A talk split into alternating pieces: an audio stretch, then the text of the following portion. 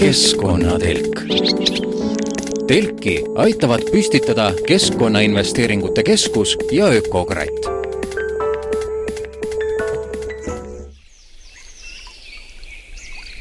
tere, Keskkonnatelk on taas püsti, mina olen saatejuht Kadri Valner, millest täna juttu tuleb räägime sellest, kuidas sakslased võitlevad kliima soojenemise vastu ja neil on avatud selline elektrijaam, mis CO2 õhku ei paiska. räägime sellest, milline on nullenergiaga maja, mis paari nädala jooksul pannakse Tallinnasse püsti kõigile imetlemiseks ja vaatamiseks, aga saate alguses on siin kaks kena külalist ja räägime kilekottidest. ja külalisteks on JSA Go-koja juhatuse liige Anneli Ohvril ja sina, Anneli, oled sellise vahva asja nagu, või õudsa asja pigem, nagu killerkoti vedaja ja on Tallinna Tehnikaülikooli professor, polümeermaterjalide instituudi direktor Anti Viikna, tere! tere! tere! Anneli, alustaks tänast saadet sellise mm, šokiteraapiaga, et et eh, me kõik teame seda, et eh, kilekotid on üks kole asi ja me kõik seda kasutame. aga kui kole asi see kilekott ikkagi on? no võib-olla ongi rohkem asi selles, et eh, paljud inimesed ei tea, et ta kole asi on.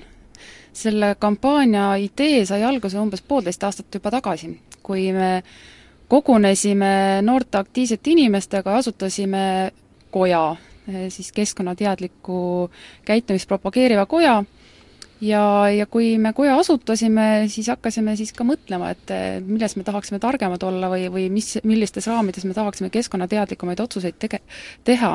ja hakkasime uurima ka just poeprügi temaatikat ja kilekoti temaatikat. ja siis me leidsime, et oh-oo, et asi ei olegi ainult mitte keskkonnateadlikus käitumises, vaid see asi on päris hull. ja me leidsime, et iga aasta sureb kilekottide allaneelamise tõttu miljon elusolendit. nii kalu kui loomi kui linde ja, ja kilekottide pärast on surnud ka inimesi. näiteks teadaolev juhtum on Bangladeshist, kus kilekottide tõttu tekkinud um-, siis uputuses hukkus tuhandeid inimesi. nii et kilekott ei olegi nii väga süütu, kui ta esmapilgul tundub no aga paistab, et on selline nagu ekstreemne asi, et kui õnnetusi ei juhtu, et noh, las see kilekott mul siis taskus olla või kuidas? noh, kilekott, et eh, kui kilekott nüüd satub loodusesse ja hakkab lagunema ja, ja loomad teda alla söövad, siis tegelikult me ei tea, kui palju Eestis saab eh, loomi surma, aga üle maailma saab neid väga palju surma. ja mitte lihtsalt surma, vaid väga piinarikkalt surma. et üle maailma on leitud siis loomi, kelle kõhtu lahti lõigates on siis magu täis plastasju. Just eh, lugesin ühest krokodillist Austraalias, kelle kõhust leiti kakskümmend kaheksa kilekotti minu jaoks on jube see, et äh, kui öeldakse, et äh, enamus prügist, mis üldse tekib, et see ongi tegelikult plastik ja et see on kilekott ja et maailma meredes äh, hulbib selline Prantsusmaa suurune plastikprügisaar, et, et noh, see on lisaks nendele loomadele, kes on hukka saanud, on, on noh, visuaalselt on see päris, päris jube, kui ma näen, et ma sõidan laevaga näiteks mööda ookeani ja mulle vastu tuleb selline tohutu ja jõletu prügisaar. Anti Viikna, mis asi on kilekott?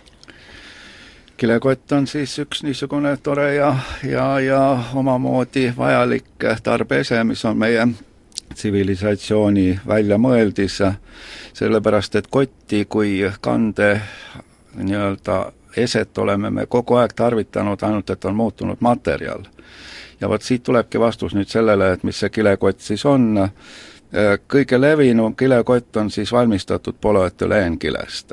see on materjal, mis kuskil tuhande üheksasaja kolmekümnendatel aastatel leidis äh, suurtootmise ja millest valmistatakse mitte ainult kilet, vaid ka kõike muud, aga rahvale on kõige rohkem tuntud siis äh, materjal kile ja, ja sellest valmistatud kotid ongi siis kilekotid. nüüd natukene võib-olla laiendaks seda mõistet sellepärast, et on ka teisi materjale kui polüetüleen.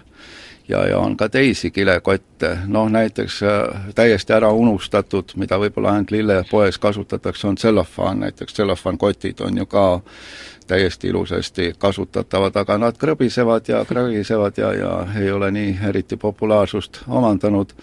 peale selle on veel teisi looduslikke materjale, millest on püütud kilekotte teha ja, ja sellest tuleneb siis ka nende nii-öelda äh, funktsionaalsus, tugevad kotid ja nõrgemad kotid ja pehmed ja, ja igal asjal on oma otstarve.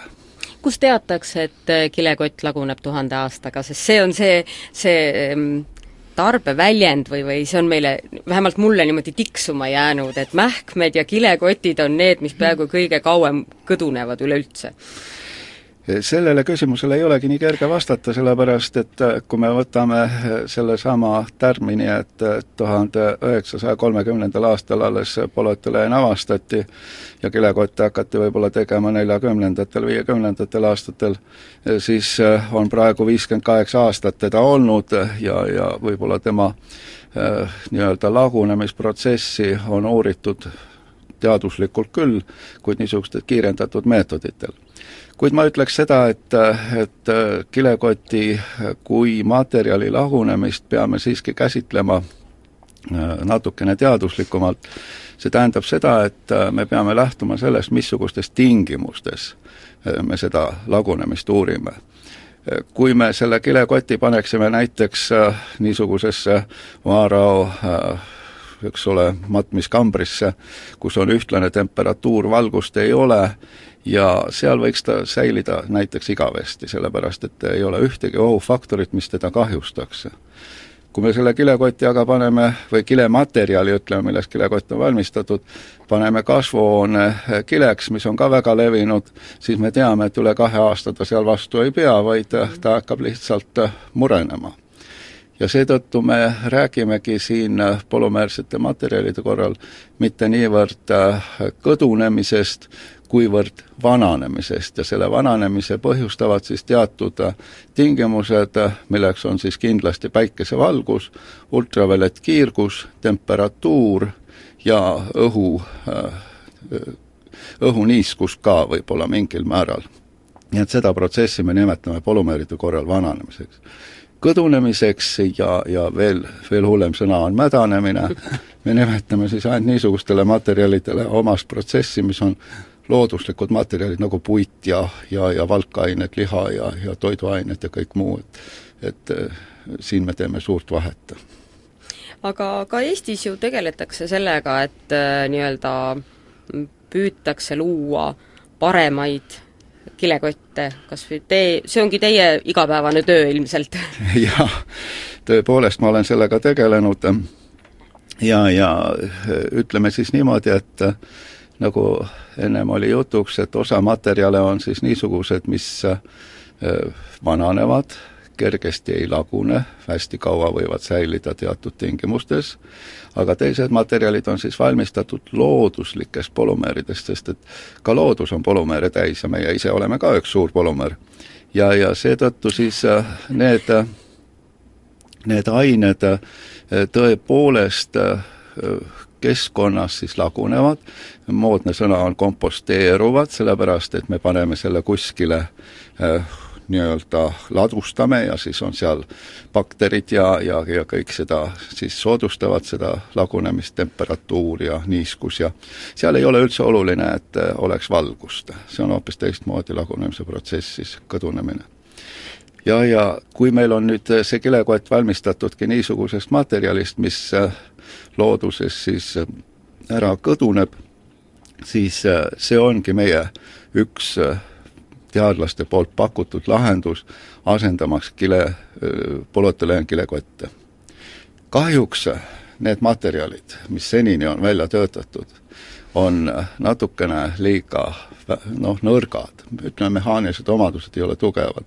perenaine tihtipeale, kahjuks jah, perenaine eh, toob poest koti, mis kaalub kümme kilo, eks ole, seal on kõik eh, joogid ja söögid sees, siis peab sellel kotil olema tugevust, aga siiani ütleme, bioloogiliselt lagunevat kilekotti niisuguse tugevusega eh, tehtud veel ei ole. Ja, ja see ongi siis üks eesmärke nüüd selle saavutamine on omaette probleem, sellepärast et ega neid polümeerseid looduslikke materjale maailmas nii palju ei olegi, millest kõike valmistada, vaid me teeme seda parematest käesolevatest materjalidest.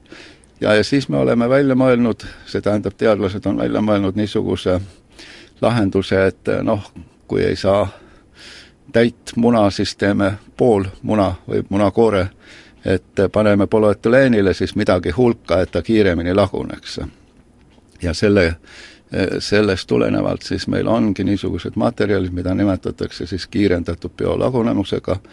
Ja, ja tüüpiliseks lahenduseks on siin see, et polüetüleenile segatakse sisse näiteks tärklist. Ja need tärklised terakesed kaunis hästi haakuvad siis polüetüleeni materjaliga, tugevusomadused eh, eriti ei muutu, muutuvad küll natuke nõrgemaks, aga, aga mitte eriti, aga mis eh, tunduvalt eh, suureneb, on siis ütleme, selle vananemisvõime, mis seguneb ka bioloogilise lagunemisega, bakterid söövad selle tärklise ära, tekivad suured õõnsused, avad, sinna pääseb õhk paremini sisse. Ja kui ta on soodsates tingimustes, et ultraviolet kiirgust ka veel on, siis ta laguneb lihtsalt kiiremini Anneli, kui palju eestlased või, või ütleme siin Eestis, kui palju kasutatakse aastas kilekotte, nii selliseid, millest, millest te, Anti Viikna, rääkisite, kui, kui teistsuguseid? me tegime eelmise aasta lõpus kilekoti tarbimise uuringu ja selle järgi tuli välja, et inimesed arvavad, et nad kasutavad umbes kaks kilekotti nädalas mm. -hmm. tegelikult on see suurusjärk täpselt kümme korda suurem. ehk siis aastas kasutatakse seitsesada miljonit kilekotti, mis on siis äh, mahuliselt umbes seitse tuhat tonni ja kui te mäletate, siis äh, Teeme ära prügikoristusaksiooni ajal toodi metsast välja kümme tuhat tonni. nii et napilt üle aastaga suudavad eestlased ainuüksi kile kileprügi toota sama palju, kui siis ühe päevaga metsast välja toodi. no see on ju uskumatu ja hirmutav. see on uskumatu ja hirmutav ja, ja kui me teame, et kilekotid ebasoodsates olukordades üldse ei lagunegi, vaid jäävadki nüüd ja igavesti mm -hmm. siia maailma, siis siis eh, täpselt see seitsmesaja miljoni kilekotti võrra kasvavad meil prügimäed iga aasta. ja, ja maailmanumber ütleb jälle seda, et et igas minutis võetakse miljon kilekotti kasutusele, mis tähendab seda, et täpselt samas tempos nad siis ka laekuvad prügimägedele et me elamegi tegelikult kileprügimaailmas. jah, et äh, võib-olla meie tulevik saabki olema Ken ja Barbi plastmaailm aga mida siis tehakse selle killerkoti ajal?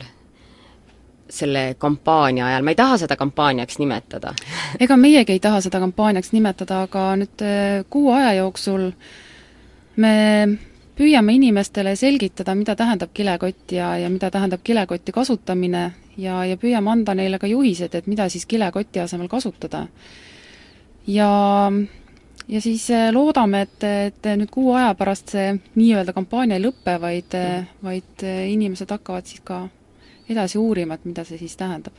No aga lihtsam oleks ju tegelikult eh, teha nõnda, et eh, koristatakse poodidest kilekotid ära ja, ja ongi asi lahendatud, et minu jaoks on nagu, ongi nagu probleem selles, et miks tegeletakse sellise mm, nagu pealispinnaga, et, äh, tegelikult ma ei pääse ju poest välja, ilma et mul ei oleks ühtegi kile või plastikpakendit, et, et kas ei peaks seda asja sealtpoolt hakkama, et miks me, miks me hakkame sealt, sealt pihta, et et me ütleme inimestele, et, et ära osta kilekotti, kui ta ei saa tegelikult nende ilma kilekottideta hakkama. jah, no me elame hästi mugavas maailmas ja mm. kilekott on äh, selge see, et on mugav. teda, ta on odav, sa võtad ta kassast kassast siis äh, kroon viiekümne eest, äh, paned oma asjad sisse, viid koju ja, ja ongi kõik. ja noh, kui nüüd riidekotti kasutada, siis äh, seda tuleb meeles pidada, et see tuleb poodi kaasa võtta ja ta on natuke suurem ja noh, ikkagi ta on seotud natuke suurema ebamugavusega ja kui noh, inimesed ei tea, mida tegelikult kilekoti kasutamine tähendab, siis, siis tehaksegi otsus kilekoti ostmise osas. et maailmas on kilekoti vastaseid kampaaniaid tehtud palju ja on ka tehtud erineval moel, et on püütud ka lihtsalt teadvustada kilekoti probleemi ja, ja ka see on andnud eh, osades maades eh, tulemusi. näiteks Austraalia on eh, päris, päris mitmeid aastaid juba rääkinud siis kilekottidest ja selle kahjulikkusest. aga on võetud kasutusele ka rangemaid meetmeid, näiteks Iirimaal kehtestati kilekotimaks, mille tagajärjel tarbimine vähenes üheksakümmend protsenti ja Iirimaa kilekotimaks on nüüd ka tekitanud päris suuri diskussioone siis üle maailma, et kas see on nüüd õige või mitte.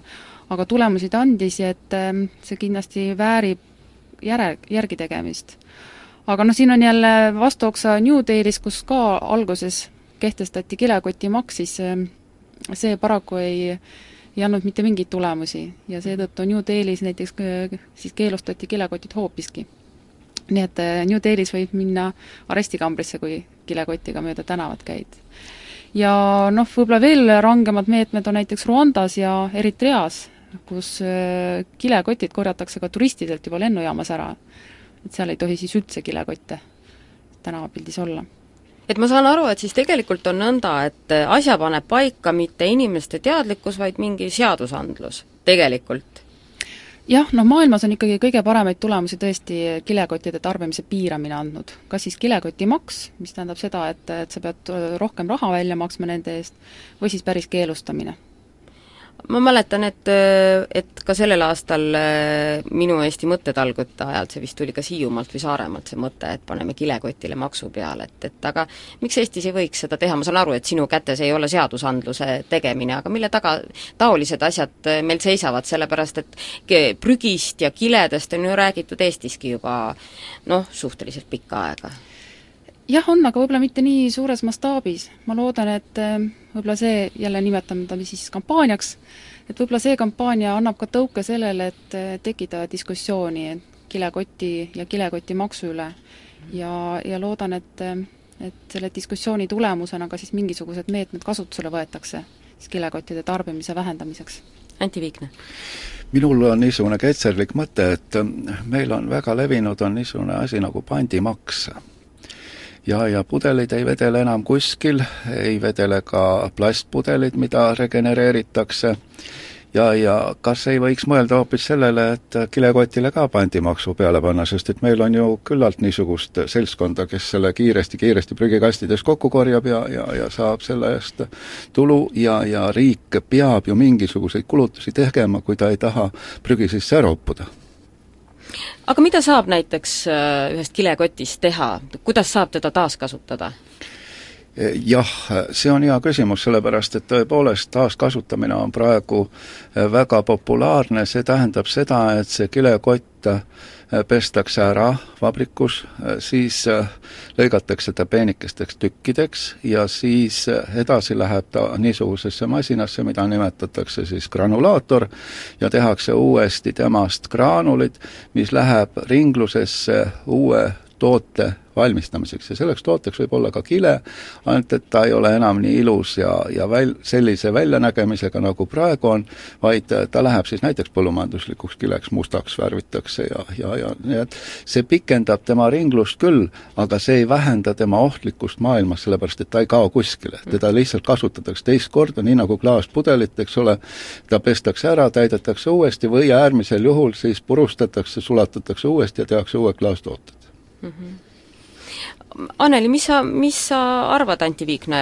ettepanekust pandimaks kilekotile, et kas noh, ma kujutan ette, et kui taolist suurt üritust või asja, nagu seesama Killerkoti äh, kampaania on, et, et äh, see ei ole noh, et siis mõeldakse nagu läbi need äh, erinevad võimalikud väljundid ja tulemused ja kas, kas oskad miks sa? mitte pandimaks, et ma usun, et ka see aitab inimestel rohkem neid kilekotte ka siis õigesse pakendikonteinerisse viia.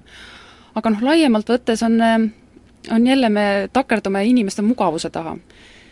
et kui olmeprügi ja ütleme, biojäätmete prügikastid on olemas siis praktiliselt kõikide majade juures, siis siis plastikonteinerit ja pakendikonteinerit me peame paraku linna pealt otsima. see on tavaliselt küll poodide lähedal, aga ikkagi on tüütu siis võtta jälle see kott näpu otsa ja siis minna siis linna peale vaatama. et kui oleks võimalik teha selline süsteem, et inimestel oleks mugavam seda plasti ära anda.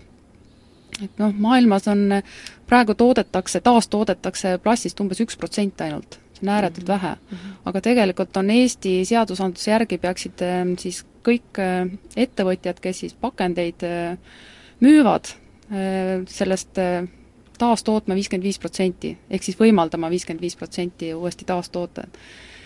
et kuidas seda teha, et noh, ma arvan, et siin on kindlasti veel palju arenguruumi, et et seda võimalikult mugavalt ka inimestele teha. jah. minul on veel niisugune mõte, et praegu on käivitatud üks väga hea kampaania ja see kampaania on niinimetatud rohelise koti kampaania, kuhu mhm. kogutakse pakendit ja, ja selle pakendi äh, enamus osa sorditakse ja vot sealt läheb ta ka regenereerimisele, ühesõnaga regranuleerimisele. nii et äh, noh, näiteks äh, mina oma liigse polüetüleenkile panen kõik sellisesse rohelisse kotikesse. kahjuks on need rohelised kotid levinud ainult eramajades ja, ja, ja suuremates äh, majades on tõesti ainult siis pakendi kogumise äh, konteinerid, kui needki on olemas, eks ole, nii et siin on veel ka riigil ühte-teist ära teha. See rohelise koti teenus on äh, ääretult hea teenus, see on tarbijale tasuta, ta saab kilekotti, kuhu kogub kõik pakendid kokku ja siis tuleb siis üks kord nädalas näiteks prügiauto ja võtab selle koti kaasa ja annab jälle uue koti asemele selle miinuseks on see, et see on ainult piiratud kohtades, et see ei ole üle Eesti. ja seda saab kasutada ka korter, mitte ainult siis eramaja. aga räägi, Anneli, mis siis on selle killerkoti kuuajalise tegevuse ajal kõik ette nähtud? üks asi on see, et teil on tõsiselt hea koduleht äh, killerkott.org, äh, teine asi on see ilmselt, et te inimestele tuletate meelde, et võta kaasa mitte kilekott, vaid võta kaasa mm, riidekott, aga, aga mis veel? noh, ega meie võimalused on piiratud, et me püüamegi nüüd kuu aja jooksul võimalikult palju selgitada ja, ja rääkida kilekotist. me oleme näiteks eh, palunud Reet Ausil teha siis üks eh, hea riidekott ja, ja näidanud seda siis ka inimestele, et milline võiks üks hea ja mugav riidekott välja näha. Ja, ja kindlasti me kogume võimalikult palju informatsiooni meie kodulehele killerkott.org, et siis jällegi, et inimesed teaksid, mis siis kilekotiga seotud on. Aga kas te mõlemad võiksite palun äh, fantaseerida, et äh, kuhu oleks hea meil jõuda? Selles mõttes, et äh, noh, selge on see, et kilet me vältida ei saa, Äh, kindlasti on olemas just nimelt need mingid seaduslikud hoovad, äh, siis need hoovad, mis meie mõistust ja mõtlemist liigutavad ja nii edasi, et näiteks, et kui, kui mõelda äh, noh, ükski, ükski muutus ei tule väga ruttu, aga et kui mõelda, et me oleme, kus me võiksime olla ideaalis viie või kümne aasta pärast seoses sellesama eh, kilekotiga ja seoses sellega, et meil mööda maailma meresid ulbivad tohutud kilesaared ja, ja, ja miljon looma saab aastas surma ja inimesedki tänu sellele, et me kasutame mõtlematult seda kilet, et mis peaks olema kolm-neli-viis asja, Anneli no,? kõigepealt eh, võib-olla sukelduja vaatekohast, kuna ma sukeldun mm -hmm. nii Eestis kui maailmas, siis siis ma tahaksin sukelduda sellistes meredes, kus ma ei näe enam põhjas kilekotte ega plastjäätmeid. ja paraku seda on praegu nii, nii Eestis kui välismaal, noh eriti välismaal, et jaanuaris Indoneesias sukeldudes tuli veest välja tulla ikka niimoodi, et kõigepealt vehkisid pea eest selle prügi ära, et enne kui pinnale said tõusta. Need on need koledad pildid. aga nüüd fantaseerides, siis siis mulle näiteks väga sümpatiseerib Inglismaa väikelinn Modbury, mis ongi kilekotivaba. ja, ja seal on ka inimeste hoiak selline, et kui ehm, siis keegi ilmub kilekotiga tänavale, siis noh, vaadatakse talle pigem halvustavalt peale. et aga kuidas seda on saavutatud ikkagi?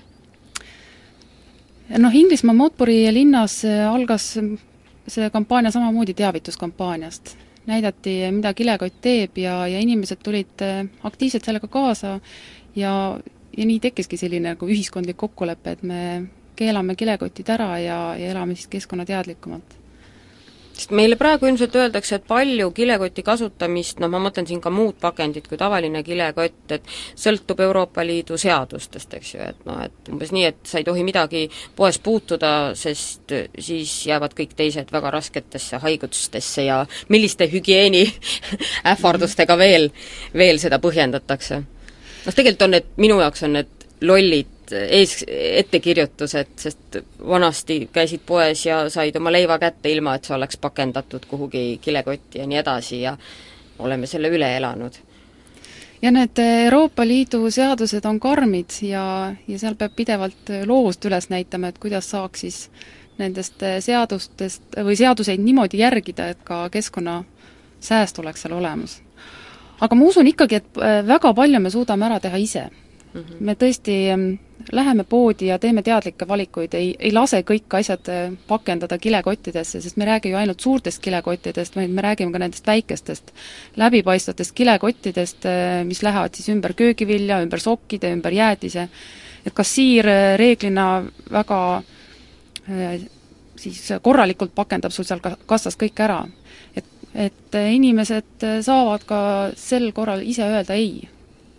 Ja ma usun, et ka jaeettevõtted saavad eh, siin palju ära teha, et noh näiteks eh, hea näitena on Prismad, eh, kus on müügil nii riidekott kui ka sada protsenti biolagunev kilekott. Aga meil on ka selliseid kette, kes, kes on ka otse välja öelnud, et keskkonnateadlikkus ei ole nende prioriteet ja nende fookus on kilekottide peal. Ja see on äärmiselt kahetsusväärne. Anti Viikna mina räägiksin natukene kaugemas perspektiivis.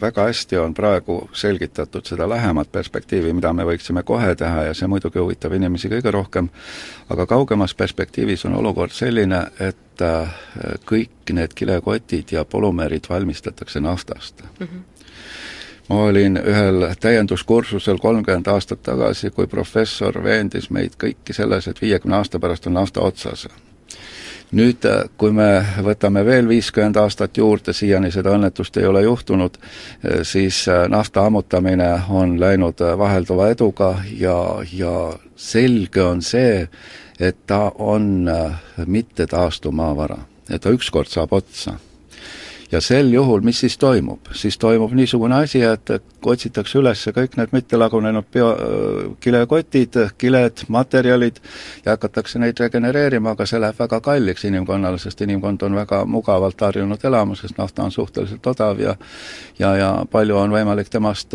toota.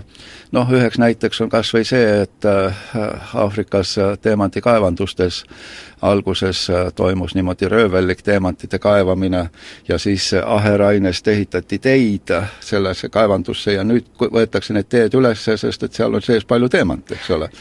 nii et ma näen ette, et äh, kui nafta ükskord lõpeb, siis lõpeb ka see probleem, me peame tagasi minema paberi, kile, või vabandust, äh, paberi ja, ja riidekottide peale või, või muudele materjalidele ja, ja, ja sellega seoses siis ongi probleem lahendatud ja nii lihtne see ongi. ja nii lihtne see ongi, jah ja nii kaua räägime, et kandke palun riidekotti poes kaasas. jah, no paraku on veel naftat nii palju maailmas, et me saame ilmselt kilomeetri paksuse plastikihi ümber maakera teha aitäh, äh, Anneli Ohvril ja Anti Viikna rääkimast killerkottidest, ütlen kõigile, et palun käige Killerkoti koduleheküljel. Ja jätkuks sellele teemale ja jätkuks ka eelmises saates olnud jutule, kui siin saates oli Tiina Urm, kes rääkis maailma koristamisest ja jutt oli see, et kohe-kohe tullakse nüüd kokku ja vaadatakse, kuidas see maailm äh, ära koristatakse, ei olnud küll teada, kus ja täp-, täpselt see kokkutulemine toimub, aga Tiina on mulle meili saatnud ja kirjutanud nõnda, et kui sulle tundub, et asi väärib läbimõtlemist ja teostamist, see on siis sina ehk raadiokuulaja, ning tahad olla osaline selles, siis tule neljandal juunil meiega koos asja arutama. kui tundub, et mõni sõber võiks tahta meiega ühineda, siis saada palun see kutse ka talle edasi, edastan selle teile kõigile, ehk siis neljandal juunil Von Krahli teatris, teatri proovisaalis ja kella poole kuuest poole üheksani räägitakse sellest, kuidas maailm ära puhastada, kaasa arvatud, kuidas puhastada seda ka kilekottidest keskkonnatelk. telki aitavad püstitada Keskkonnainvesteeringute Keskus ja Ökokratt. meil käib praegu innovatsiooni aasta me püüame olla innovaatilised erinevates valdkondades, kaasa arvatud ka näiteks ehituses Eestis töötati esimesena Euroopas, ilmselt esimesena Euroopas välja üks innovaatilise nullenergia moodulmaja lahendus, mis piltlikult öeldes tähendab seda, et üks hea energiat säästev maja või maja idee, mida saadakse erinevatest klotsidest või erinevatest majaosadest kokku panna, on nüüd valmis ja tegelikult paari nädala pärast taolist maja ka siinsamas Tallinnas näidatakse ja selle nullenergia moodulmaja taga on üks Eesti firma, Ultra Kuub osaühing ja arhitekt ka Rene Valner. Ja mina rääkisin selle osaühingu tegevjuhi Mihkel Pukiga nii sellest, mis asi on nullenergia, kui ka sellest, mis asi võiks olla plussenergia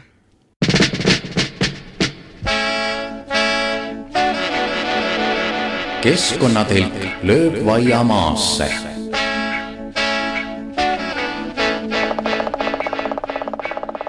mis asi see nullenergiaga maja siis üleüldse on? Äh, see on selline maja, mis ähm, toodab äh, energiat ja toodab nii palju seda energiat, äh, kui palju ta ise tarvitab. ja, ja siis ütleme, kogu hoone energiabilansi mõttes tarbib sama palju, kui ta toota suudab. mis see on, mille abil ta toodab seda mm,? päike, tuul ja, ja, ja näiteks maaküte. ehk siis majal on kõik need suured kolakad nii-öelda küljes? Need ei olegi nii suured kolakad, sest maja ise tarbib vähe energiat ja seetõttu ei peagi need, need seadmed nii suured olema, et, et küllalt kompaktselt saab, saab need paigutada kas põhimõtteliselt ütleme, passiivmajaga, millest on viimasel ajal palju räägitud, ongi erinevus see, et ta nagu teenib ennast nii-öelda ise, ise ja, rohkem tasa? jah, passiivmaja kriteeriumile ta peab vastama nii ehk nii või noh, hea oleks vähemalt, et ta vastaks, sest et äh, siis on see energiainstallatsioon äh, noh, nii-öelda minimaalne võimalik saab teha nullenergiamajaga niimoodi, et, et nii-öelda tavamajale lisada kõik need eh, seadmed, mis toodavad elektrienergiat ja, ja sooja näiteks. sel juhul peavad, pea, on, on siis nende seadmete maksumus juba sellises suurusjärgus, kus kohas see võib tunduda nagu ebamõistlik. -hmm. ta ei tasu ennast ära. et kas ma saan siis õigesti aru, et, et, et ütleme nii, et see kõige tugevam asi ei olegi mitte need, need vidinad, mis sinna külge pannakse, vaid kogu see kompleksne asi, ühesõnaga, et ta on ehitatud ja. nii või ma just lugesin sellel nädalal ühte uudist, et ameeriklased hakkavad oma katuseid valgeks värvima, et need siis peegeldavad valgust tagasi ja, ja, ja, ja nii edasi, et et seal on, ütleme, kõik sellised nipid nagu välja mõeldud ja juurde mõeldud. kui rääkidagi sellest ähm, kontseptsioonist, siis seda peab vaatama igal juhul tervikuna et seda ei saa võtta osade kaupa, et, et nüüd on elektri, äh, elektri tootmiseks on äh, väikesepaneelid, siis on kollektor, siis on tuulik, siis on äh, maasoojuspump ja võib-olla on mingi generaator seal veel, et siis lihtsalt neid tehnilisi seadmeid võttes me ei saavuta suurt midagi. Mhm. me peame ikkagi panema selle nii-öelda hea maja külge ja see ongi üsna keeruline optimeerimise ülesanne lõppkokkuvõttes, et kui maja on meil selline, et millised on seadmed selle jaoks, et me oleksime oma energiabilansis äh, nii-öelda õigel järjel, sest et ületootmine ei ole võimalik ja ei ole hea, äh, alla toota ka ei ole hea, sest et siis hakkab mugavus kannatama, nii et seal on, äh, seal on küllalt noh, tähtis suuta see, see kogu kompleks kokku panna väga õieti aga see ei ole ju mitte nii, et äh, nipitame sellega, et teeme, ütleme, hästi soojustatud seinad. jah, sellest kõigest ei piisa, et, et kui, kui on hästi soojustatud seinad, siis peaks olema ka hästi, hästi head aknad ja hästi head äh, uksed, äh, ventilatsiooniseade peab olema väga hea, ehk et siis, siis me saavutame selle, selle täna noh, parima võimaliku. aga ikkagi, et kui loodussõbralikud ja on, ütleme, need ehitusmaterjalid, millest need majad üles? See on täiesti eraldi fookus. et äh, meie jaoks on väga tähtis see, et, et, et materjalid oleks äh, oleks keskkonnasõbralikud, et nende ökoloogiline jalajälg oleks, oleks minimaalne võimalik ja, ja et need viimistlusmaterjalid, mida me kasutame, et need oleks äh, inimesele ohutud ja pigem töötaksid sisekliima äh, parendajatena ja kui, kui vastupidi. kas see on ka selles mõttes loodussõbralik, et kõikide nende suurte generaatorite, kollektorite ja nii edasi ehitamiseks ju tegelikult kulutatakse suhteliselt palju ja. ressursse, eks ju. jah, see on kahtlemata tõsi, et kulutatakse ähm, energiat ja ressursse päikesepaneelide tootmiseks ja tuulikute tootmiseks, aga samal ajal, kui me arvestame seda, et et nende käigus hoidmine enam ressursse ei, ei nõua, ehk et nad toodavad äh, ikkagi taastuvenergiat kas siis päikesest, tuulest või, või muust, et siis, siis tegelikult äh, peale tootmise hetke sisuliselt hakkavad nad oma, oma CO jalajälge ju väiksemaks ketrama. nii et, äh, et ses mõttes äh, ma usun, me nii-öelda kui me vaatame kogu hoone elutsüklit, siis me oleme igal juhul plussis sellise kontseptsiooniga, erinevalt tänasest, kus kohas näiteks iga järgnev hoone lisab energiavõrgule koormust, mitte ei tooda, ei ole ise tootmisüksus, ehk et nüüd kui nagu riigi suunalt vaadata seda, seda pilti, et siis, siis, siis oleks väga kena see, kui, kui riik saaks sellest aru, noh, sarnaselt näiteks Saksamaale, et, et selliseid, selliste hoonete tootmist tuleks igati toetada ja selliste hoonete tootmise toetamisega on tegelikult vajalik vähem investeerida energiatootmisse, sellisesse tsentraalsesse energiatootmisse. Mis sugugi ei tähenda seda, et me ei vaja üldse võrkusid, et me ei vaja üldse tsentraalset süsteemi, sugugi mitte, et see on väga hea, kui see on olemas. eriti hea oleks veel see, kui, kui nüüd selline hoone saaks ähm, veel liituda võrku ja olla ise tootmisüksus ka võrgu jaoks. et see on siis nagu plu-, mitte null, vaid juba ja, pluss, eks ole? just, et oleks, oleks pluss energiamaja, et, et sel juhul saaks saaks tänast, tänased hooneomanikud äh, nii-öelda homsetes hoonetes elades äh, arvutada ekspluatatsioonitulusid, mitte ekspluatatsioonikulusid. See on vägagi reaalne, see Saksamaal ju toimib täna ja, ja Austrias täpselt samamoodi mm. -hmm. see sõltub poliitikute otsustest mm. -hmm. et eh, et noh, täna näiteks kui Saksamaa näide, et ma ei tea küll konkreetseid summasid öelda, et kui palju nad toetavad eh, päiksepaneeli soetamist, eh, aga need on märkimisväärsed summad.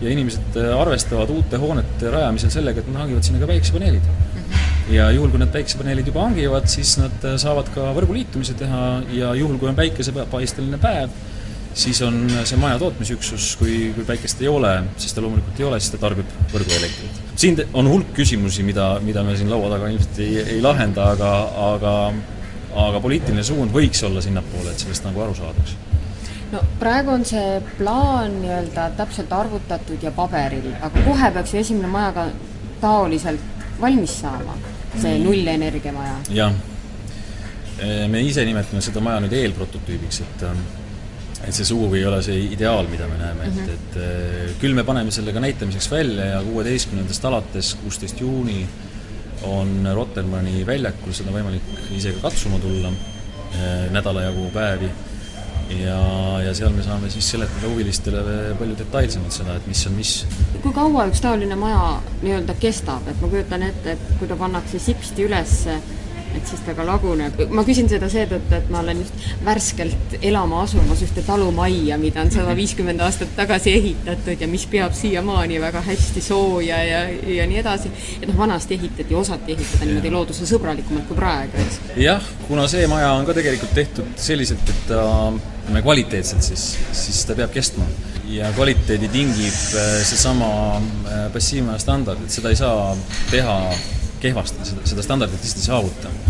ja seetõttu ma usun, et see maja võiks nüüd olla keskmisest tavamajast, kui nii võib öelda äh,, oluliselt pikema elueaga ka. ja lisaks sellele võiks see elumaja, see üks moodul, nelikümmend viis ruutu ja sellest komplekteeritavad äh, üheksakümmend ruutu ja sada kolmkümmend viis ruutu majad olla ka järelturul nii-öelda kaubeldavad mm. -hmm. ehk et äh, kuna tegemist on äh, standardiseeritud mooduliga, mis on alati ühtede ja samade mõõtmetega, siis põhimõtteliselt võiks see tähendada seda, et, et inimene, kes täna näeb, et tal on, tal on nii palju raha, et ta saab hankida endale kaks moodulit ehk et üheksakümne ruuduse maja, siis ja homme tal pere kasvab, siis ta saab seda maja laiendada ja kas ta siis ostab uue, uue mooduli sinna juurde või ta ostab järelturult mõne mooduli, kellelgi on üle jäänud, kellelgi on lapsed suureks saanud. no see on see nagu, nagu idee fiks või, või see on nagu tuleviku nägemus, et see võiks nii olla, me ei tea, kas see nii juhtub, aga, aga me ei näe ka praegu ühtegi takistust, miks mitte. nii et klotsidest kokku panda või kui vaja, lahti võtta? just aitäh, Mihkel Pukk! mulle meeldiks küll selline asi, kui me suudaksime ise oma kodudes tekitada plussenergiaga maju ja siis naabritele elektrit müüa lihtsalt sellest, et me selles majas elame. aga kuu on äh, läbi, mis tähendab seda, et sõna on Ulvar Käärtil, kes räägib, mis tema, millised olid tema tähelepanekud sellest kuust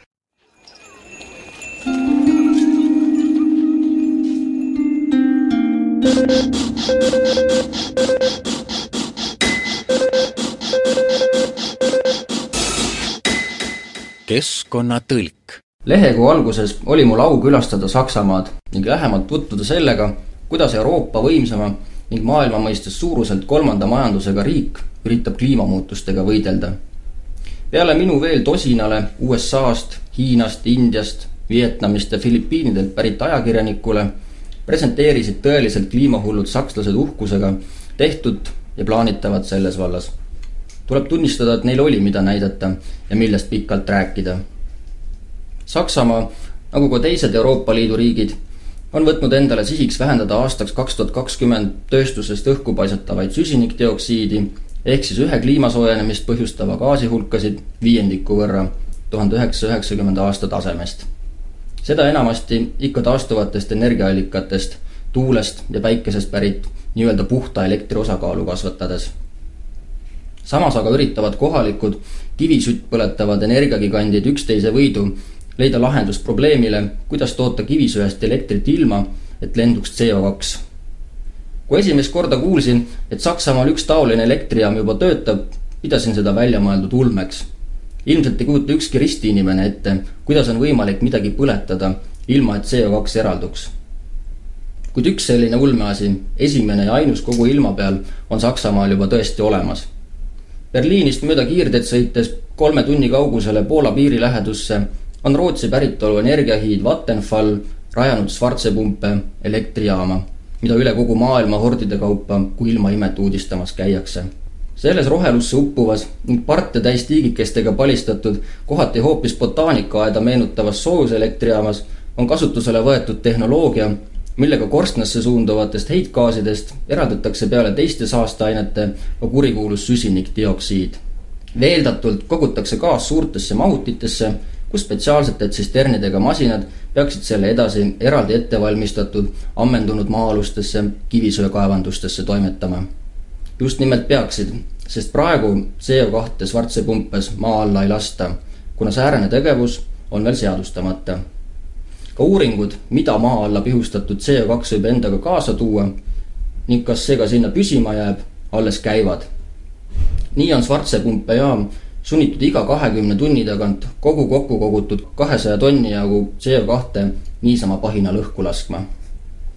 Üleilma energeetika tulevikuks peetava CO2 vaba kivisöeelektriga on paraku seotud üks suur aga. nimelt on see ropult kallis. ainuüksi Schwarze-pumpe jaam mida Saksamaal kõigest minijaamaks peetakse, läks CO2 eraldamiseks vajaliku tehnoloogia käivitamine maksma ligi seitsekümmend miljonit eurot ehk üle miljardi krooni. sellise tehnoloogia kasutamine muudaks elektri hinna väga kalliks. seda muidugi juhul, kui maasse maetud CO2 emissioone hea hinnaga teistele riikidele või ettevõtetele maha müüa ei õnnestu. CO2 vaba kivisöeelektri suhtes on pessimistlikud ka Saksamaa rohelised kes ei näe sellises tehnoloogias võluvitsa, mis lahendaks aina kasvava energiavajaduse probleemi, samal ajal kui on vaja vähendada kasvuhoonegaaside emissioone. rohelised nimelt ei usu, et maa alla lastud CO2 sinna pikaks ajaks pidama jääb, nagu väidetakse, vaid peaks leidma lühikese aja jooksul ikkagi väljapääsu atmosfääri. Kliimamuutusi ja CO2 pelgavad sakslased üritavad kõigest jõust ka teisi riike enda usku pöörata, ehk siis panna ka Euroopast väljapoole jäävaid suurte majandustega riigid sisuliselt enda loodud mängureegleid järgima. vastasel korral satuks nende rangete piirangutega kammitsetud tööstus löögi alla. praegu käib suur mäng selle nimel, et seni järjekindlalt inimmõjust tulenevaid kliimamuutusi eitanud maailma võimsamat majandust USA-d süsinikdioksiini vastasesse usku pöörata. Samuti ka tormiliselt areneva majandusega Hiinat, kes kardab kliimakaitsest pidurit oma arengule nii on kliimamuutustest jutlustamisest, sõltumata enamasti küll sakslastest, saanud tänaseks lausa omaette tööstusharu. näiteks USA-s kasvas president Barack Obama ametisse valimise ajaks selliste lobitegijate hulk Washingtonis pea kahe ja poole tuhandeni, paisudes võrreldes viie aasta taguse ajaga lausa kolm korda. Nii olevat iga senati ja esindajate koja liikme kohta juba neli ajupesijat. ning naftakompaniide meelehärmiks ongi ameeriklastele suuri muutusi lubanud Obama puhul jää juba sulama hakanud ning värskete seaduseelnõude kavade kohaselt ihaldab mees riigi majanduses õhku paisatavaid CO2 heitkoguseid aastaks kaks tuhat kakskümmend vähendada võrreldes kahe tuhande viienda aasta tasemega viiendiku võrra. ikka lootusega, et kliima soojenemine pidurdub. Selliste märkide valguses ootab kliimamuutustega võitlemise üheks eestkõnelejaks olev Saksamaa tänavu detsembris Kopenhaagenis toimuval ÜRO kliimakonverentsil suurt läbimurret, mis tipneb peagi USA liitumisega Kyoto protokolliga. dokumendiga, mis seob riike, mis peavad kliima soojenemise tõttu kasvuhoonegaaside õhku paiskamist järjest vähendama. kriitikud aga peavad süsinikdioksiidi heitkoguste vähendamist mõttetuks kliimahüsteeriaks mis läheb tarbijatele ülikalliks maksma, päädides lõpuks sellega, et Euroopa tööstus liigub ühes töökohtadega Aasiasse või mujale, kus pole kliimahullust. on ju CO2 näol tegu veeauru järel tähtsuselt teise kasvuhoonegaasiga, mille mõju kasvuhoone efektis hinnatakse kümnele kuni kahekümne viiele protsendile. enamikku CO2-st tekitavad ookeanid ja taimede kõdunemine. inimtekkelise CO2 osakaaluks hinnatakse vaid neli kuni kuus protsenti. Euroopa CO2 emissioonid, kaks gigatonni aastas, moodustavad kogu maailma kaheksasaja seitsmekümne gigatonnisest emissioonist vaid tühised null koma kakskümmend kolm protsenti. samas toetab näiteks Saksamaa praegu CO2 rikastest fossiilsetest kütustest pärit energia osatähtsuse vähendamiseks tuule- ja päikeseenergiat kolme miljardi euroga aastas, summaga, mis moodustab ligi pool kogu Eesti riigieelarvest. CO2 emissioonikaubandus läheb aga Euroopa tööstusettevõtetele ning ühtlasi ka elektri ning kaupade tarbijatele maksma ligi kaksteist miljardit eurot aastas ning süsinikdioksiidi emissioonide vähendamine veel viiendiku võrra aastaks kaks tuhat kakskümmend läheks aga ainuüksi Euroopas maksma täiendavalt ligi kolmkümmend miljardit eurot. igal aastal kokku läheks kliimamuutustega võitlemine eurooplastele maksma aga ligi viiskümmend miljardit eurot mis küündib Eesti rahas juba astronoomilise null koma kaheksa triljoni kroonini. kriitikud ütlevad, et just see on hind, mida Euroopa maksab olematu probleemiga võitlemiseks, kuna kliima on nii nagu kauges minevikus ka praegu, sõltumata inimesest, pidevas muutumises.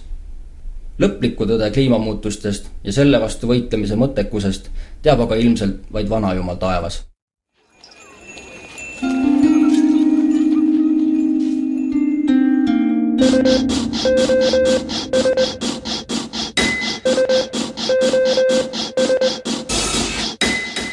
keskkonnatõlk seesama vanajumal taevas, kes kõike teab, on täna meile armuline ja andnud palju päikest, minge õue, minge loodusesse, kohtume nädala pärast.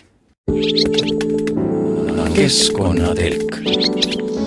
telki aitavad püstitada Keskkonnainvesteeringute Keskus ja Ökokratt